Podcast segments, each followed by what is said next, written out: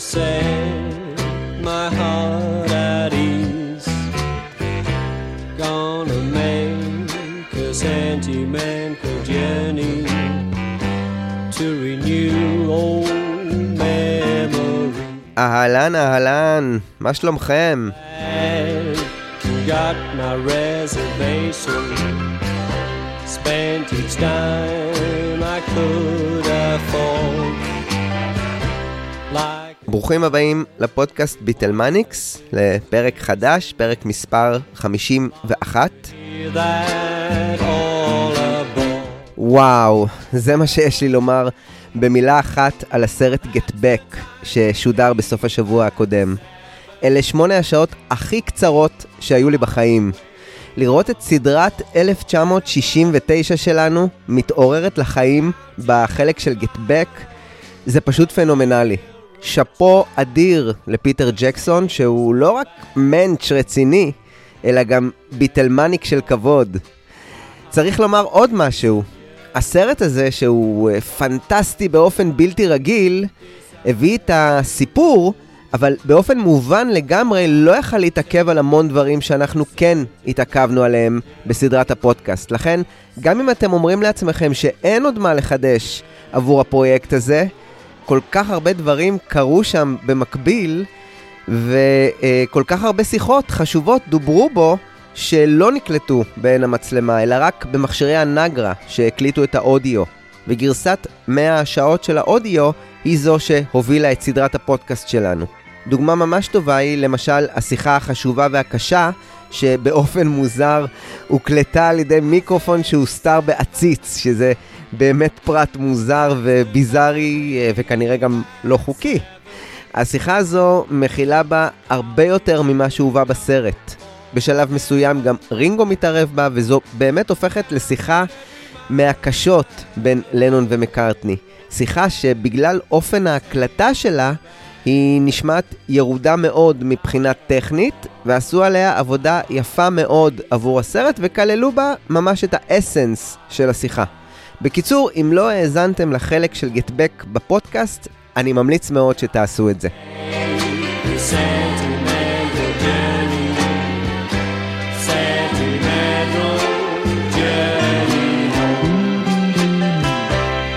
אנחנו ממשיכים את המסע הסנטימנטלי שלנו בשנת 1969 של הביטלס, ואנחנו ממש בישורת האחרונה. כן, אני יודע, השיא כבר מאחורינו, וכל האירועים ה-so called מעניינים כבר התרחשו, אבל בואו, תאחזו איתי עוד קצת, ותחוו עם חברי הביטלס המפורקים את החודשיים האחרונים בשנה הקשה הזו. גם החודשיים הקרובים יהיו מלאים באירועים מעניינים שיסגרו את השנה הזו, את העשור הזה ואת להקת הביטלס. הפרק הזה יעסוק בנובמבר 1969, ובעצם יהווה את חלק א' לפרק הסיום הגדול של 1969. אפשר להסתכל על זה ככה. הפרק הבא, חלק ב', שישוחרר בצמידות אליו בעוד שבועיים, יעסוק בדצמבר ויסגור סופית את 1969 של הביטלס. נכון, יהיה עוד פרק אחד שיהיה הנספח ל-1969, או האפילוג, שיביא את המחצית הראשונה של 1970, שהמשיכה את סיפור הביטלס רק עוד קצת. אה, בעצם עד ליציאת האלבום Let It Be במאי. אני מודה לכל מי שהאזין עד כה לסדרה הארוכה הזו, שתמנה בה בסופו של דבר 20 פרקים, ואני מקווה שהיא באמת הצליחה להכניס אתכם לסיפור של השנה המאתגרת הזו, שעברה לא רק על הביטלס, אלא גם על מעריצי הביטלס. לא קל היה להיות מעריץ ביטלס באותה שנה של חוסר ודאות. לנו עכשיו יש את הפריבילגיה להתרווח וליהנות מהסיפור הזה, שאנחנו כבר יודעים את סופו, אבל תארו לכם איך זה היה בזמן אמת. לקרוא בכל פעם על עוד ועוד משברים שפוקדים את הלהקה האהובה עליכם, ולא לדעת בעצם מה צופן לה העתיד.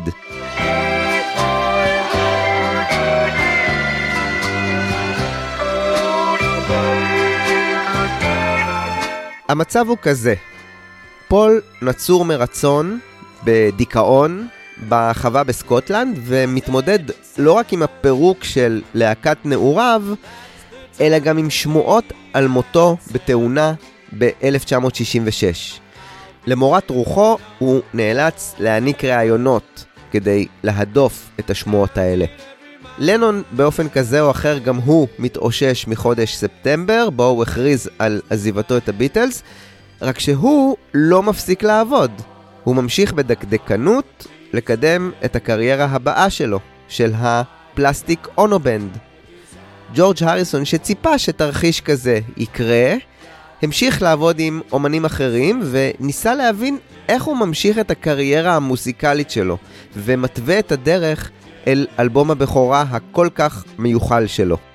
רינגו סטאר, כמו לנון, עד כמה שאפשר להשוות, גם הוא לא קפא על השמרים, והחליט לפצוח בקריירת סולו ובהקלטת אלבום קאברים.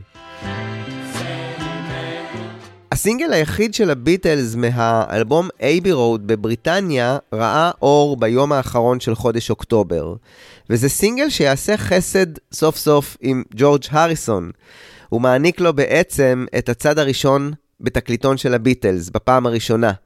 ולא משנה מה הסיבות שמסתתרות מאחורי המהלך הזה. צד ראשון, ראשון לג'ורג' הריסון בסינגל של הביטלס. חברי הביטלס שלחו כל אחד סרטונים עם בנות זוגם, מהיכן שהם היו באותה התקופה, ומהם הורכב קליפ שיקדם את הסינגל Something. את הפרק הקודם, כאמור, סיימנו עם תחילת העבודה של רינגו על אלבום הקאברים שלו, Sentimental Journey, אלבום שלמעשה היה אלבום הבכורה שלו. ממש עכשיו, בתקופה האחרונה, אה, רינגו שחרר איפי שני מתוצרי הלוקדאון שלו, שנקרא Change the World. ואתם בטח מבינים שאת העולם הוא לא שינה, גם לא את העולם של רינגו, אבל תמיד אומרים שרינגו הוא הלב הפועם של הביטלס, והאמת שכל תוצר של רינגו מהשנים האחרונות עושה לי טוב. זה אומר שהכל טוב. כדור הארץ ממשיך להסתובב, הלב ממשיך לפעום, ורינגו ממשיך להוציא אלבומים. זה לא יכול להיות רע. באחד מארבעת השירים ב-EP החדש הזה, רינגו חזר לעשות קאבר, הפעם לסטנדרט רוקנרול, שהוציאו כסינגל ביל היילי והקומץ ב-1954. זה סינגל שאולי מסמל את יריית הפתיחה לתופעה הזו שנקראת רוקנרול. 1, 2, 3 o'clock, 4 o'clock rock, 5, 6, 7 o'clock, 8 o'clock rock. 10, 11 o'clock, 12 o'clock rock. We're gonna rock around the.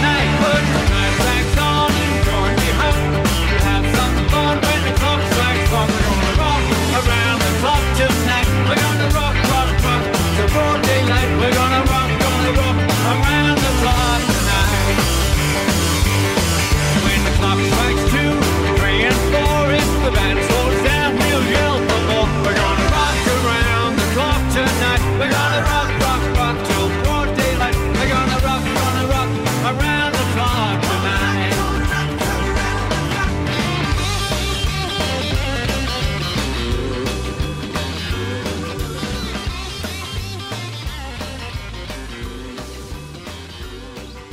חזרה לנובמבר 1969. ההקלטות לאלבום הקאברים של רינגו נמשכו גם בחודש הזה, וכבר ב-6 בנובמבר רינגו הגיע לאולפני וסק סאונד שבלונדון כדי לבצע את הסשן השני עבור ההקלטות לאלבום שלו.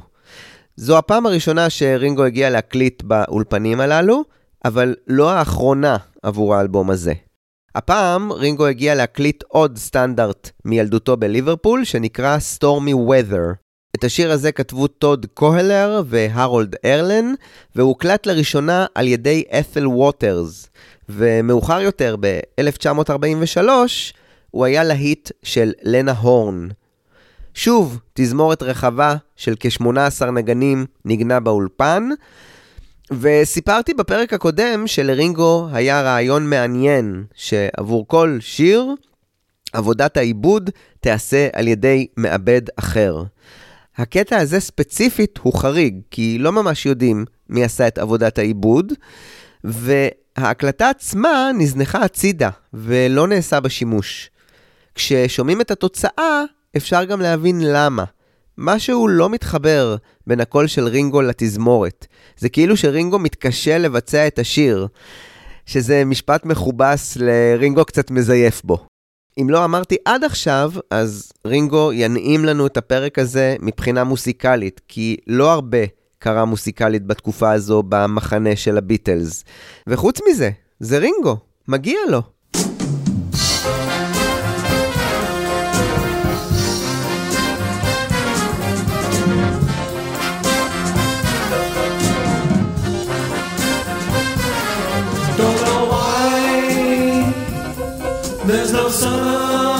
Sky, stormy weather. Since my girl and I ain't together, keeps raining all the time. Life is bad, blue and misery everywhere, stormy weather. Just can't get my full self together. I'm weary all the time, the time.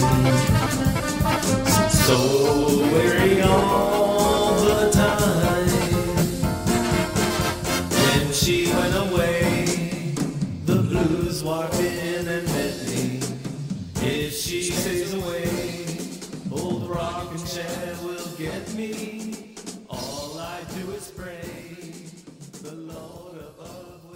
ב-7 בנובמבר רינגו חזר לאותם האולפנים כדי לעבוד על השיר הבא עבור האלבום. הפעם הוא בחר ב Stardust שביצע הוגי קרמייקל ב-1929. וזה היה כנראה השיר שהתחיל הכל עבור האלבום הזה. את הקרדיט על העיבוד קיבל פול מקארטני, והשאלה הנשאלת, האם היו לפול, שהיה בכלל בסקוטלנד, יד ורגל בעיבוד לקטע הזה, או שרינגו החליט לתת לו קרדיט אולי לרעיון או לעידוד לעשות את האלבום הזה. אני לא באמת יודע, אבל מה שבטוח הוא שהתוצאה טובה בהרבה ממה שהוקלט ביום הקודם. תעלומה גדולה יותר בעיניי היא איך רינגו לא קרא לאלבום Stardust, שיכול היה להיות משחק מילים מופלא על שם הבמה שלו.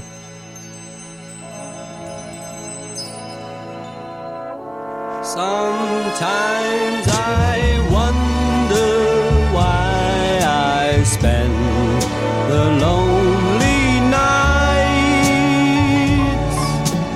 dreaming of a song. The melody haunts my reverie, and I am once again with you when our love was new. And each kiss an inspiration. But that was long ago. Now my consolation is in the stardust. באותו היום בדיוק, שבו אה, רינגו בילה באולפן והקליט את Stardust, ה-7 בנובמבר, התפרסם בארצות הברית גיליון המגזין Life עם הכותרת פול עדיין איתנו. דיברתי על התקרית הזו בפרק הקודם, תקרית שאירעה בסוף החודש הקודם, אוקטובר, ובה אה, הופיעו כתב וצלם בפתח החווה בסקוטלנד כדי להביא הוכחות מצולמות לכך שפול מקארטני חי שם, בחווה. כשמרתה הכלבה החלה לנבוח, פול הבין שמשהו קורה בחוץ, ויצא והתעמת איתם, יחד עם דלי מים שהיה בסביבה, כשהכל מצולם. הפשרה הייתה שהם מוסרים לו את סרט הצילום, והוא מעניק להם ראיון ותמונות משפחתיות. את תוכן הראיון תוכלו למצוא בפרק הקודם, ובו יש גם הצהרה שאף אחד לא שם לב אליה, שבה מקארטני אמר בפשטות, עניין הביטלס הסתיים, זה התפוצץ. הראיון הזה קיבל גם את הכותרת העצובה והיפה, הראיון האחרון שהעניק מקארטני בשנות ה-60. היה מישהו אחד שלא פספס את מה שאמר מקארטני בריאיון. קראו לו דרק טיילור. הוא קרא את המאמר והכין כבר את מערך העיתונות של חברת אפל להתמודד עם הצפה של פניות ושאלות שפשוט לא הגיעו. יש מי שאומרים שלייף נחשב למגזין עם תמונות איכותיות ושהמנויים שלו לא באמת מתעכבים על הרעיונות שבו. מצד שני אומרים את זה גם על פלייבוי, אז אני לא ממש יודע. ב-14 בנובמבר רינגו המשיך לעבוד על אלבום הקאברים שלו, הפעם באולפני טריידנט, והוא הקליט קטע חדש בשם Dream. השיר הזה היה להיט של ה Pied Pipers ב-1945, ואת העיבוד עשה הפעם האחד והיחיד, ג'ורג' מרטין.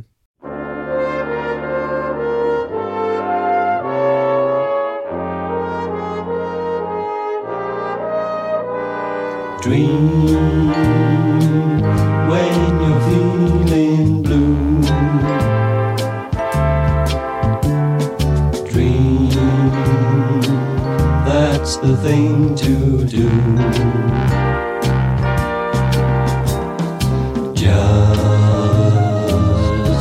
Watch the smoke rings rise in the air.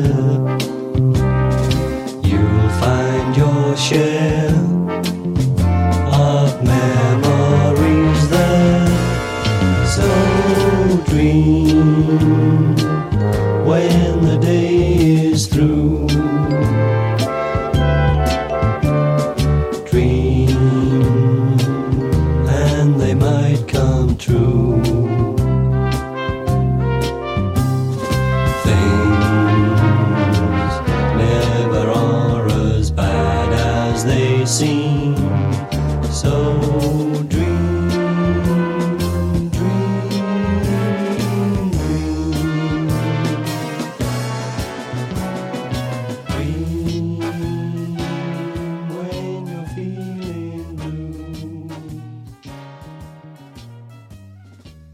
באותו היום שבו הקליט רינגו את השיר, ה-14 בנובמבר, ראה אור בבריטניה אלבום אחר, אלבום החתונה, האלבום האוונגרדי השלישי של יוקו וג'ון.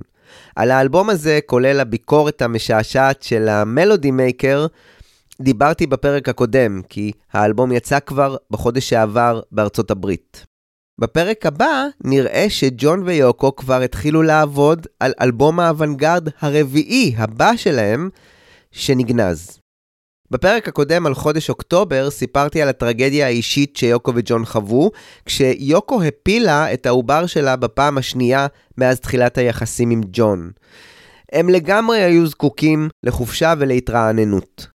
ב-15 בנובמבר הם המריאו יחד עם החבר של ג'ון, מג'יק אלכס ואשתו הטריה, לאתונה.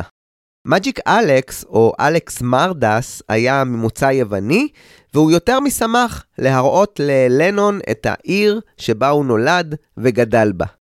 אני מזכיר שג'ון בסוף אוקטובר שינה את המראה שלו באופן דרסטי, כשהוא נפטר מזקן האבות שלו, והיה עכשיו רק עם השיער הארוך, מראה ששיבה לו גם חזות מאוד רזה יחסית. כנראה כתוצאה מההרואין ההרסני, שבמידה מסוימת גם גרם להפלה אצל יוקו. במהלך הביקור הזה באתונה, ג'ון קיבל מסר מאסטרולוג מקומי, שאמר להם שהוא חוזה שמישהו ינסה לירות בהם על אי. המידע הזה עודד אותם לבטל את הביקור המתוכנן שלהם באיים היוונים, אבל בסופו של דבר הם כן שטו אליהם ביאכטה שהייתה שייכת לאמן דונובן, אבל הזוג, יוקו וג'ון, כל כך נבהלו, והם היו בטוחים שמישהו הולך לירות בהם באיים היוונים. האסטרולוג המקומי אמנם ציין שמישהו יירה בלנון על אי, הוא רק לא ציין היכן ומתי. 11 שנה ושבועיים מאוחר יותר, יירה מרק צ'פמן בלנון באי מנהטן שבארצות הברית.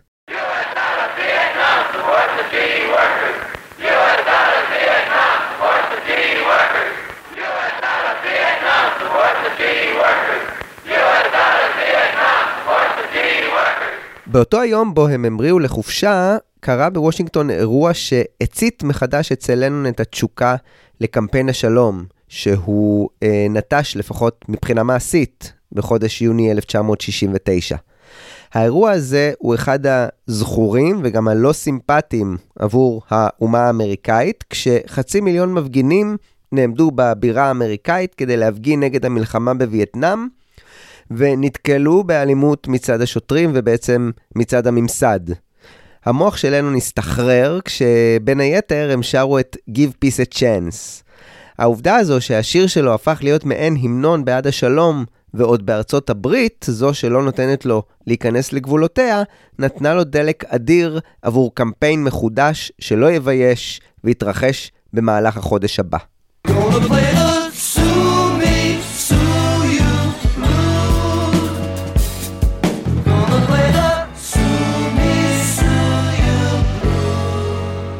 קצת עסקים מזמן לא היו לנו. הקרב על Northern Songs, שהשליטה בה עברה לידי חברת ATV של לוק גרייד, היה נקודה לא פתורה אצל לנון ומקארטני. שניהם אמנם המשיכו בחייהם, אם אפשר לקרוא לזה ככה. אה, מקארטני בניתוק מוחלט בחווה בסקוטלנד, ולנון בחופשה ביוון, אבל תהיו בטוחים שהעניין הזה ביעבע ורתח אצל שניהם. זה היה מפעל החיים המניב שלהם, שאומנם הם קיבלו את שווי המניות שהיו להם, אבל הם לא יכלו להשלים עם כך. בפרק הקודם, אכן לנון ומקארטני מכרו את המניות שהיו להם ב-Northern Songs. מקארטני אגב עשה את זה בניגוד לעצה של ג'ון איסטמן, וכשאיסטמן שלח ל-ATV מסמך שאמר שקליין לא מייצג את מקארטני, קליין המופתע אמר לו שהוא לא מבין, כי הוא דיבר עם מקארטני על אותו הדבר, ומקארטני כן הביע רצון שהוא, קליין, ייצג אותו במכירת המניות. העניין הזה מראה שגם מקארטני לא ממש הבין מה קורה, והוא היה מאוד מבולבל בתקופה הזו. מקארטני יצר קשר עם ג'ון איסטמן ואמר לו שהוא תומך במה שקליין עושה. הדיל הזה נסגר בחודש הקודם, אבל ב-20 בנובמבר 1969 הוגש בשם הביטלס דרך חברת Maclen Music צו בית משפט שדרש מ-ATV לעבור על ספרי החשבונות של Northern Songs. משהו שנשמע כמו נקמה מבית היוצר של אלן קליין. הדרישה הייתה לבדוק את התשלומים ששולמו ל-Northern Songs דרך פאבלישרים אחרים בעולם. זה היה גיהנום עלי אדמות, לקבל עכשיו את כל הקבלות והחשבוניות מעשרות פאבלישרים ברחבי העולם. אבל זו הייתה נקמה קרה, שתפקידה, בעיקר, היה לעשות בלגן גדול.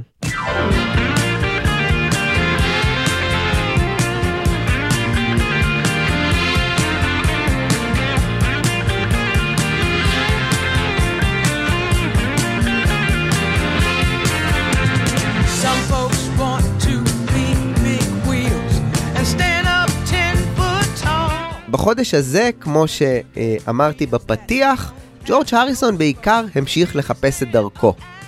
בחודשים האחרונים הוא צפה מהצד איך מקארטני הפיק אומנים בקצב מסחרר, כמו למשל מרי הופקין, בדפינגר, אה, אפילו חלק מהתוצרים של ג'קי לומקס וג'יימס טיילור, והריסון עצמו רצה להיתפס גם כן כמפיק בעל שם. הוא כבר הפיק בסוף 1968 את האלבום של ג'קי לומקס, ובמהלך 1969 את האלבום של בילי פרסטון, ואחרי שהוא הפיק את המנטרה של חבורת הארי קרישנה, הוא המשיך לקבל הצעות שונות ומשונות. מישהי אחת לכדה את אוזנו של הריסון במהלך ההקלטות לאלבום של בילי פרסטון. בחורה צעירה, אמריקאית, בשם דוריס טרוי, שעברה ללונדון בקיץ 1968, ושרה קולות באלבום של בילי.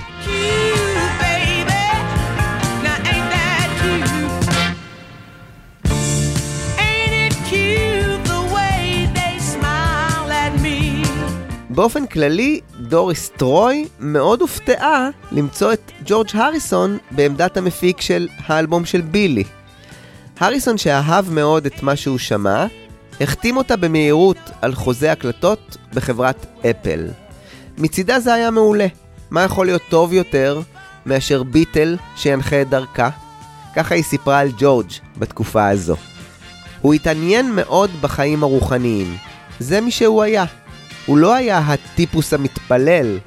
הוא תמיד נראה רגוע ולא קילל אף אחד, חוץ מאשר כשנוגעים לו בביסקוויטים, וזו הערה שלי. טרוי המשיכה. הוא פשוט היה בחור טוב. הילד היה רציני.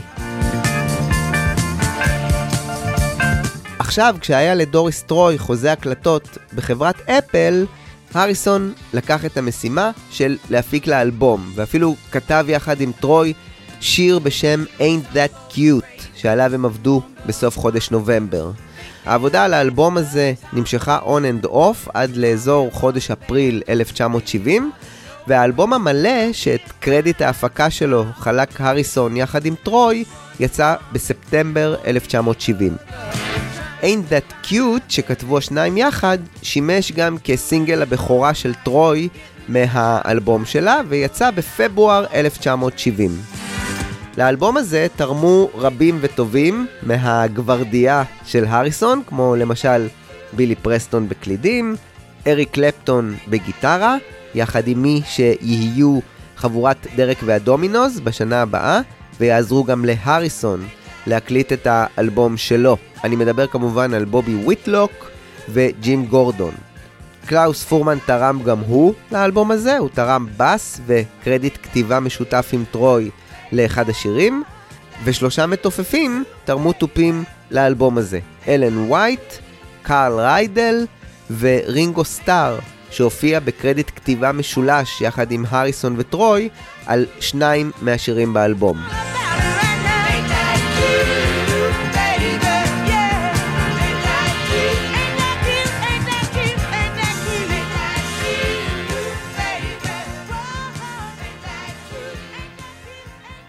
ב-24 בנובמבר חזרו יוקו וג'ון מהחופשה ביוון.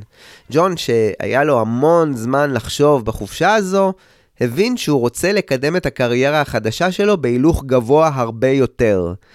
בגזרת הסינגלים והאלבומים, הדברים זרמו לשביעות רצונו. בכל זאת, שני אלבומים אוונגרדיים, ועוד אלבום הופעה שהיה כבר כמעט מוכן, יחד עם שני סינגלים, אה, זה יבול יפה. עדיין היה לו חלום להוציא את שני הקטעים האוונגרדיים שהוקלטו אמנם במסגרת הביטלס, אבל להוציא אותם כסינגל של הפלסטיק אונובנד. מדובר כמובן ב-You know my name ו-Mary Jane, שהתוכניות להוציא אותם כסינגל כל פעם נקטעו מסיבה זו או אחרת. כמו שסיפרתי קודם לכן, אה, עוד משהו שג'ון היה להוט לקדם, היה חידוש מסע השלום שלו, שהופסק עקב הקלטת Abbey Road והשקת ה Plastic Ono Band. את שני הנושאים, הסינגל והשלום, הוא החל לקדם במרץ, ממש ברגע שהם נחתו מהחופשה. כבר ב-25 בנובמבר, יום לאחר שהם חזרו מהחופשה, לנון הוציא אל הפועל תוכנית שהייתה לו כבר בספטמבר. הוא רצה להחזיר את תואר ה-MBE שהמלכה העניקה לחברי הביטלס על פועלם למען בריטניה ב-1965. התואר הזה, ה-MBE, שהוא קיצור של Member of the British Empire, חבר האימפריה הבריטית, החל להיות מחולק מ-1917, בדרך כלל לאנשי המסדר הצבאי.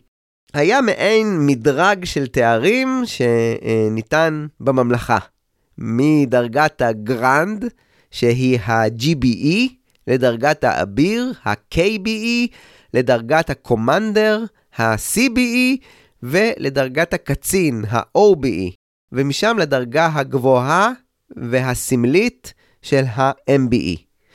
משלב מסוים את התואר הזה נהגו בבריטניה להעניק לאזרחים שתרמו באופן יוצא דופן לממלכה, ולאו דווקא היו בתפקידים צבאיים. בגדול, זה מעין עיטור כבוד ולא יותר מזה. ברבות השנים, פול ורינגו, לצורך העניין, קיבלו תואר נוסף. הם קיבלו את תואר ה-Companions of Order, ה-CH, ועכשיו שניהם יכולים להוסיף את התואר CH לשמם, וגם לכנות את עצמם בתואר סר, לאות כבוד. הביטלס קיבלו את מדליית ה-MBE שלהם ב-26 באוקטובר 1965. הם הגיעו לארמון בקינגהם, ולנון סיפר על החוויה הזו ב-1980. למרות שלא האמנו במשפחת המלוכה, לא יכולנו שלא להתרשם כשהיינו בארמון. וגם מהידיעה שאנחנו עומדים בפני המלכה. זה היה כמו חלום, זה פשוט היה יפהפה. ניגנו שם מוסיקה, ואני הסתכלתי על התקרה, לא רע עבור תקרה. זה היה היסטורי, זה היה כמו להיות במוזיאון. Last month, 75 teenagers from Pennsylvania petitioned Her Majesty the Queen to have the Beatles knighted. Well, this hasn't happened. But today I'm pleased to say that they have been made members of the most honourable order of the British Empire. Congratulations, John, George, Thank you. Ringo, and Paul. Thank Tell me, how did you all react to this? Well, I went, Which means in sound. whoopee. Well done. George, Well, I sort of went, wow, that's great. Ringo. Yes. Not the same. Yes, I think we all felt pretty well the same. Now, last year in America, your record sold no less than $10 million worth. Do you think your export sales has something to do with this? Well, you know, somebody said it might have been that. The papers keep telling us it mean it's um, it was. It could have been that, but it could have been. It might have been for Huh? tour in Australia. Now, do you think you'll go back to the Commonwealth again? This was a sensational visit. Yeah. Well, you know, we probably will. It's up to Mr. Epstein, our manager. What does this MBE mean to you all? How are you going to deck out to go to the palace? There's certain protocol to be observed. Are you going to dress up in morning dress? Yes, I think you've got to, haven't you? yeah, we'll have to. We'll get this. What about the haircut, Drain Ringo? With Well, we're not going to get it all cut off, you know. Someone said we can carry the hat, so that'll be easier. I think Her Majesty will understand, you know. she may well do. From obscurity in a cellar in Liverpool four years ago and now to Buckingham Palace. Gentlemen, what do you think everybody on the other side of the Atlantic is going to say to this? Whoopee, I hope. yes, I hope. הביטלס, כמו כל 189 האנשים שקיבלו תארי כבוד באותו אירוע, הובלו לחדר הכס הגדול, וכשקראו בשם כל חבר להקה בנפרד, הוא התייצב בפני המלכה, השתחווה, המלכה לחצה את ידו, אמרה דברי נימוסין, והצמידה את המדליה לדש הז'קט שלו. סיפור מפורסם שהתרחש קצת לפני הטקס הזה, אה, לפחות ככה טען ג'ון, הוא שהביטלס חמקו לשירותים ועישנו שם מריחואנה. ככה הוא סיפר. צחקקנו כמו מטורפים כי עישנו ג'וינט בשירותים של ארמון בקינגהם. היינו כל כך לחוצים ולא היה לנו מה לומר. לא באמת הבנו מה המלכה אומרת לנו. מאז אותו היום ב-1965, מדליית ה-MBE של לנון נחה לה בשקט בביתה של הדודה מימי. המדליה הזו הייתה מקור גאווה לא קטן עבורה. דודה מימי השתייכה למעמד שכיבד את מוסד המלוכה וראה בו שריד לימים אחרים שעברו מהעולם. אם האחיין הפרחח שלה, שהיא גידלה אותו כמו בן, קיבל את אות ההוקרה וההכרה של מוסד המלוכה, אז כנראה שהיא עשתה משהו נכון. לנון לא ראה את המדליה הזו ככה בכלל. במעמדו עכשיו כמורד האוונגרד ומפרק הביטלס, או כל מוסד אחר, הוא ראה במדליה הזו עול. הוא ראה בה סימן לצביעות. בזמן שבעולם יש מלחמות, ובמיוחד מלחמת וייטנאם המדממת, איך הוא יכול להשלים עם התואר הזה שמביית אותו לארמון המלוכה? כל זה בזמן שבריטניה לא עושה כלום כדי לפתור את המצב בעולם ולקדם את השלום. אני יכול להאמין שלנון עשה את זה מתוך אמונה שלמה, אבל אני יכול גם להאמין שאזלה לו תחמושת הפרסום. מה עוד הוא יכול לעשות כדי לקדם את הקריירה החדשה שלו ולהתעלות מעל הביטלס? מי שקיבל את המשימה הלא נעימה של לקחת את המדליה מביתה של מימי, היה הנהג הפרטי שלו, לס אנטוני. לס אנטוני נשלח לביתה של מימי ולקח את המדליה מסלון ביתה, בתואנה שג'ון צריך אותה. למחרת, אותו לס אנטוני נשלח למשימה לא נעימה עוד יותר, לארמון בקינגהם. לנון צייד אותו במדליה ובמכתב עבור הוד מלכותה המלכה. המכתב היה ממוען גם לראש הממשלה הרולד ווילסון, שבזמנו המליץ על מתן התואר לביטלס. ככה כתב לנון במכתב: הוד מלכותך, אני מחזיר את ה-MBE כמחאה על המעורבות של בריטניה בדבר הזה של ניגריה והביאפרה. כמו כן נגד התמיכה שלנו באמריקה במלחמת וייטנאם, וגם על כך שכל טרקי יורד במצעדים. באהבה, ג'ון לנון מהשק. אני רק יכול לדמיין מה עבר למלכה בראש כשהיא קיבלה את המכתב המוזר הזה. קצת על מה שכתב לנון על המעורבות של בריטניה בביאפרה, שזה באמת אנקדוטה היסטורית מעניינת. ביאפרה הייתה חבל ארץ בניגריה, והתושבים של אותו חבל ארץ בעצם רצו עצמאות. הרי תמיד ככה מתחילות מלחמות. כשמישהו רוצה עצמאות והצד החזק יותר רוצה לדכא אותו. המלחמה הזו בין הצד החלש, שהיה שבט אגבו, לבין ניגריה, פרצה בקיץ 1967. המלחמה הזו כמובן הייתה עקובה מדם וגבתה מחיר כבד, כשרוב המתים מתו מתופעה פשוט מחרידה, רעב. יש תמונות פשוט מחרידות של ילדים שהסתובבו שם, שכונו גם ילדי הביאפרה, כשהבטן שלהם מנופחת מרוב רעב. ובאמת, אלו תמונות פשוט מזעזעות. העולם, כמו שהעולם עושה תמיד, צפה מנגד. Biafra is at the moment experiencing jungle justice, which is the justice of might is right, because we are under an economic blockade, we are under a propaganda blockade, we are under a diplomatic blockade. Nobody sees uh, what we are suffering, nobody hears what we are suffering, and as a result of that, the wrong story is presented to the world. We are not heard, and therefore we cannot be judged except on the basis of the lies being told about us. When we have been able to overcome this jungle justice and we are heard, then we will then get the civilized justice because our case will be brought into the open. And once a case into the, is in the open, you cannot play tricks. We are now victims of blackmail because we are being suppressed, we are being muzzled. But you still fight on. We fight on, oh yes, Biafra fights on. בריטניה באופן ספציפי הבינה שמשהו לא טוב קורה שם, אבל היה לה אינטרס לשמר את היחסים עם ניגריה, כי בריטניה הייתה מושקעת בעסקים סביב שדות הנפט שהיו ממוקמים בחבל ביאפרה. והיא חששה שאם המיעוט הזה בחבל ביאפרה ינצח, ההשקעות האלה ירדו לטמיון.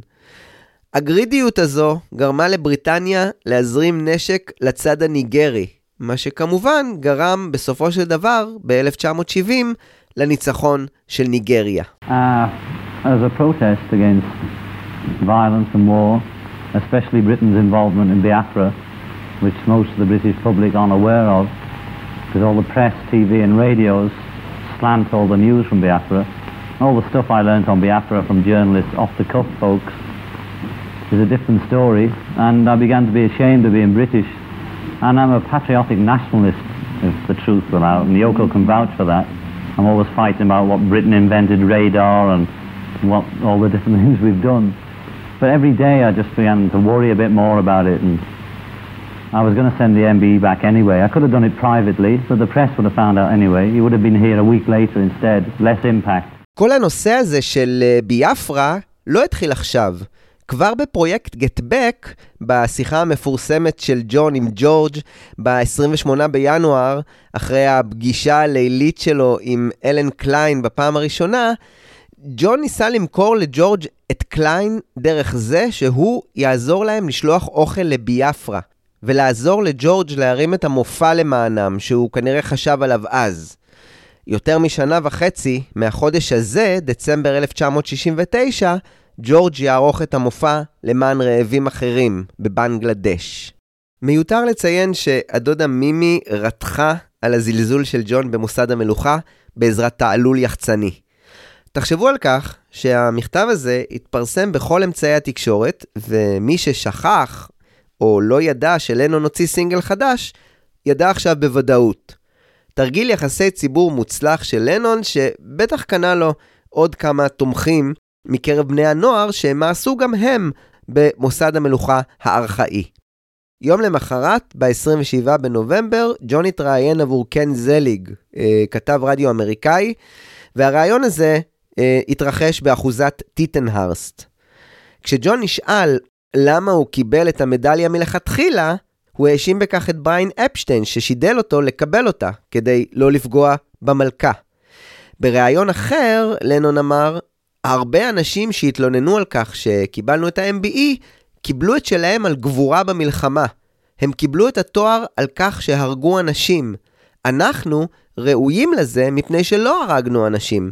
באופן מסוים זה היה צבוע מבחינתי לקבל את התואר, אבל אני שמח שקיבלתי, כי ארבע שנים לאחר מכן יכולתי להשתמש במדליה כדי לעשות מחווה.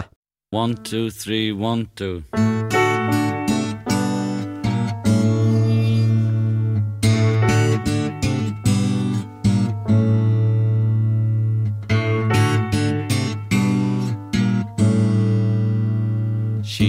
Looks as an African queen. She eating twelve chapatis and cream. באופן סימבולי, בערב של אותו היום שבו החזיר הנהג לס אנטוני את המדליה לארמון בקינגהם, ב-26 בנובמבר, אה, הגיעו ג'ון ויוקו לאולפני EMI כדי לעבוד עם ג'ף אמריק על הסינגל הבא של ה Plastic Ono Band. אותם שני שירים שלא היה סיכוי שיראו אור תחת הביטלס, במיוחד מרי ג'יין. הם עשו כמה אוברדאבים של קולות על השיר הזה, והמטרה או הבהילות הייתה להוציא את הסינגל הזה כמה שיותר מהר תחת ה Plastic Ono Band. למעשה, היה כבר תאריך יציאה, החמישה בדצמבר. כל זה כמובן לא קרה, ובחברת אפל תרצו את זה בכך שבאופן הדדי הוחלט על ידי חברי הביטלס שהקטעים האלה נשמעים יותר כמו הביטלס, ולא כמו הפלסטיק אונובנד. מעניין מה הייתה הסיבה האמיתית, ואם קוראים לה מקארטני. אנחנו אגב מאזינים לגרסה הראשונה של ג'ון, שהוקלטה ב-1968. Ways good contacts. She making with Apple and contract. What's the shame Mary Jane had a pain at the party? What a shame Mary Jane, what a shame Mary Jane had a pain at the party.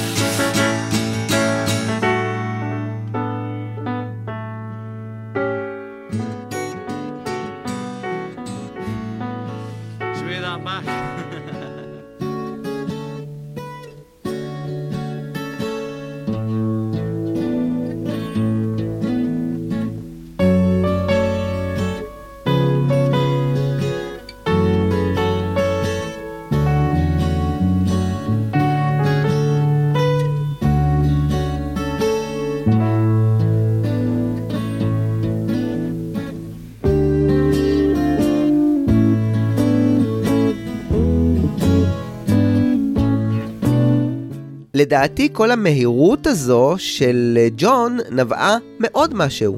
לנון לא ידע לקרוא את הצעדים הבאים של מקארטני. מה מקארטני מתכנן שם בחווה בסקוטלנד? מי יודע? אנחנו נראה את זה גם בפרק הבא, שלנון מתנהג פשוט כאחוז תזזית, כאילו שהוא מנסה להספיק כמה שיותר.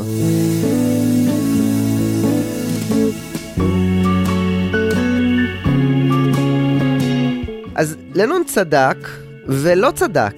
האמת היא שלמקארטני ברגעים האלה לא ממש הייתה תוכנית סדורה.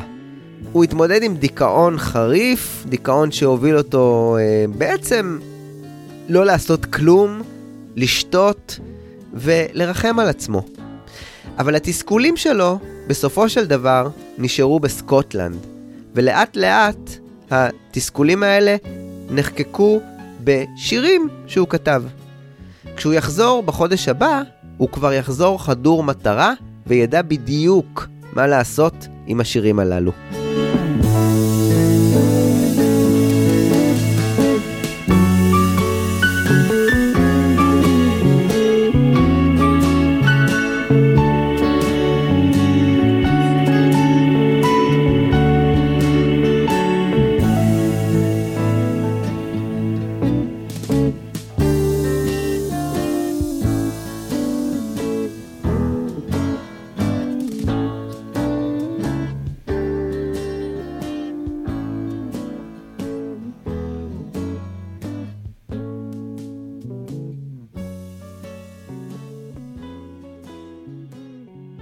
ב-28 בנובמבר רינגו הגיע לסשן הבא עבור אלבום הקאברים שלו, הפעם באולפני EMI. הפעם הוא הגיע כדי להקליט את Blue Turning Gray Over You, שיר שביצע לואיס ארמסטרונג ב-1930. אוליבר נלסון, אומן הג'אז האמריקאי, קיבל את מלאכת העיבוד לקטע.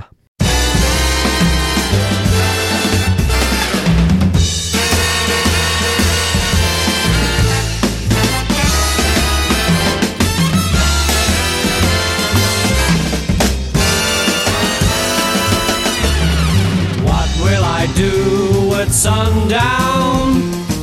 What will I do at dawn? What will I do at noontime? Now that I've found you gone.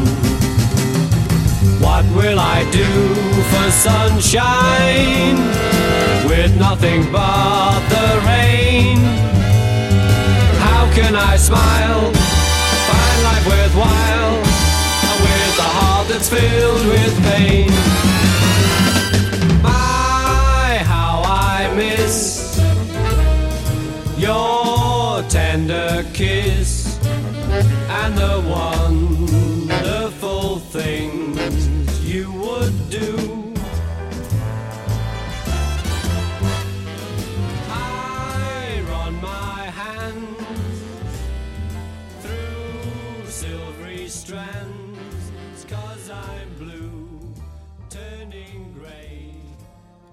ב-1 בדצמבר 1969, רינגו צולם לראיון טלוויזיוני עבור ה-BBC.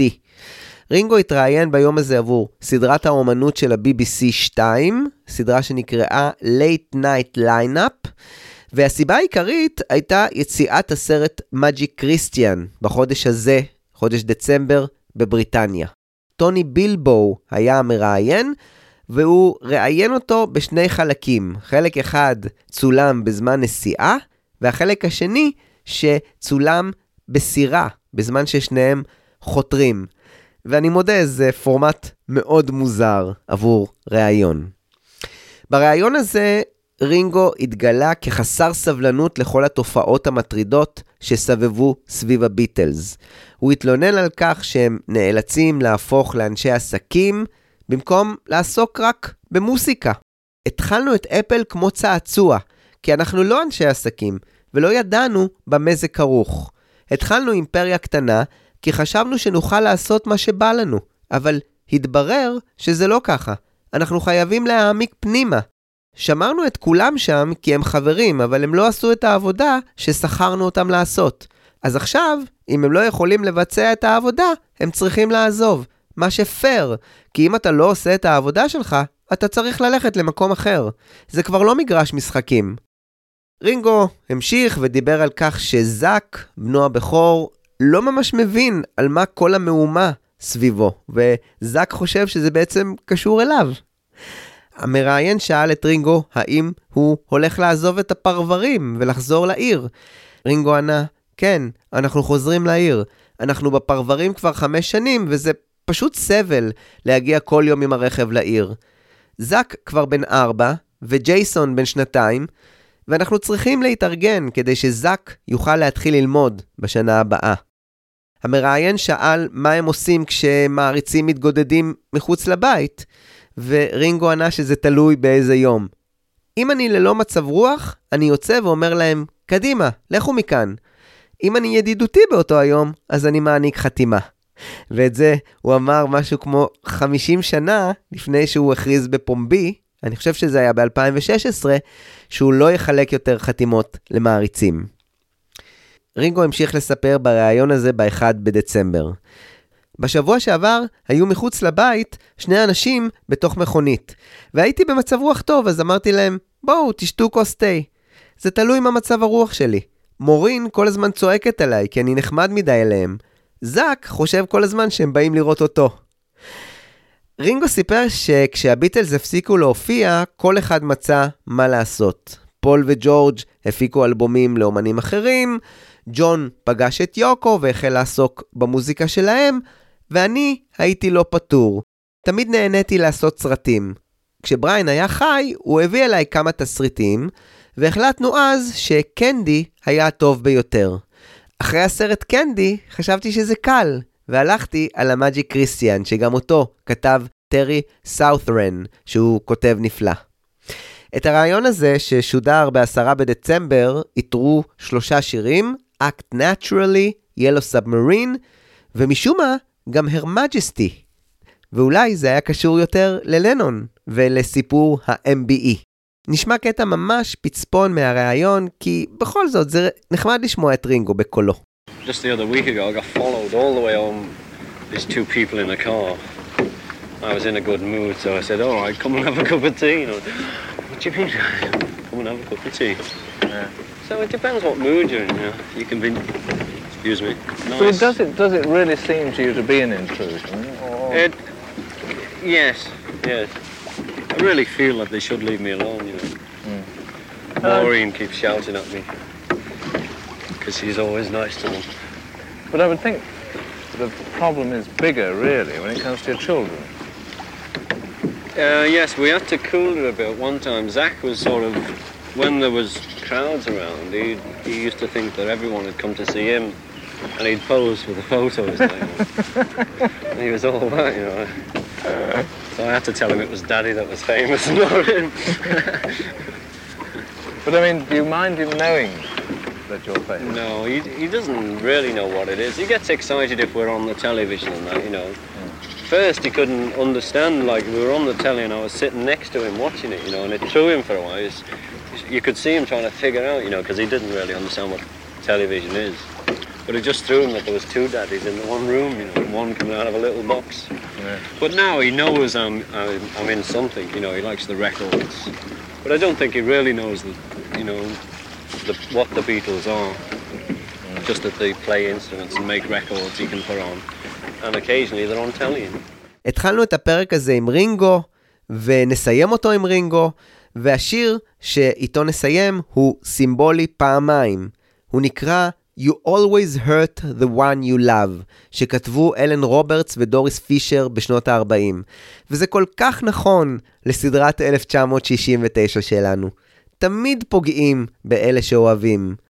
השיר הזה עובד עבור רינגו על ידי אמן הג'אז ג'וני דנקוורת, והוא הוקלט בסופו של דבר במרץ 1970, בסשן ההקלטה האחרון עבור האלבום של רינגו, באולפני מורגן. באולפני מורגן השתמש בחודש הקודם, בפברואר, גם מקארטני. הוא נהג להגיע לאולפני מורגן, להירשם בשם בדוי, בילי מרטין, ולעשות סדר ולהוסיף תוספות על גבי ההקלטות הביתיות שהוא עשה בקוונדיש. בפרק הבא, שיהיה האחרון עבור שנת 69, נעסוק בעיקר בפעילות ההולכת וגוברת של ג'ון ויוקו בגזרת השלום שלהם. נהיה גם עם ג'ורג' הריסון, שיתחיל להופיע עם הרכב חדש, וגם יופיע פעם אחת ואחרונה עם ג'ון ויוקו על אותה הבמה. נהיה גם עם מקארטני, שיחזור עם משפחתו ללונדון וינסה להחזיר את עצמו למסלול. נסיים את הפרק כאמור עם You Always Hurt the One You Love, אל תפגעו באנשים שאתם אוהבים. החיים קצרים מדי עבור זה. תודה רבה שהאזנתם לחלק א' של גמר הסדרה על 1969. אני אשמח מאוד לקרוא מה יש לכם לומר על הפרק, על הסדרה, ואתם יכולים לכתוב את דעתכם בפוסט הייעודי בדף הפייסבוק או בבלוג. אתם כמובן מוזמנים להאזין לעוד פרקים בפודקאסט ובסדרת 1969. כמו שהבטחתי, יש בבלוג דף חדש שהפרקים, פרקי הפודקאסט, מסודרים בו לפי ה timeline עבור מי שאוהב כרונולוגיה, כמוני. אם כבר הבלוג, אז אתם מוזמנים לקרוא את מגוון הפוסטים בו ולהירשם ל mailing list דרכו, כדי לקבל עדכונים במייל לגבי הפרויקט ביטלמניקס. תודה ענקית לגל פלדי המקסים על העזרה בעריכה הלשונית. אנחנו ניפגש בפרק הבא בפודקאסט, חלק ב' על דצמבר 1969. איך זה הגיע כל כך מהר? תודה רבה, ביי ביי.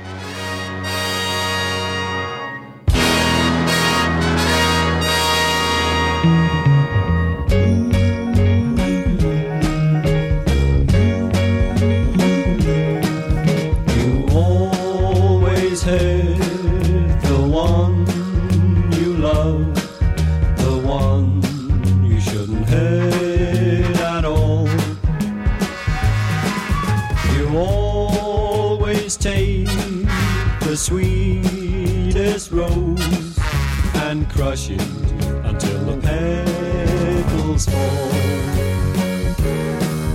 You always break the kindest heart with a hasty word you can't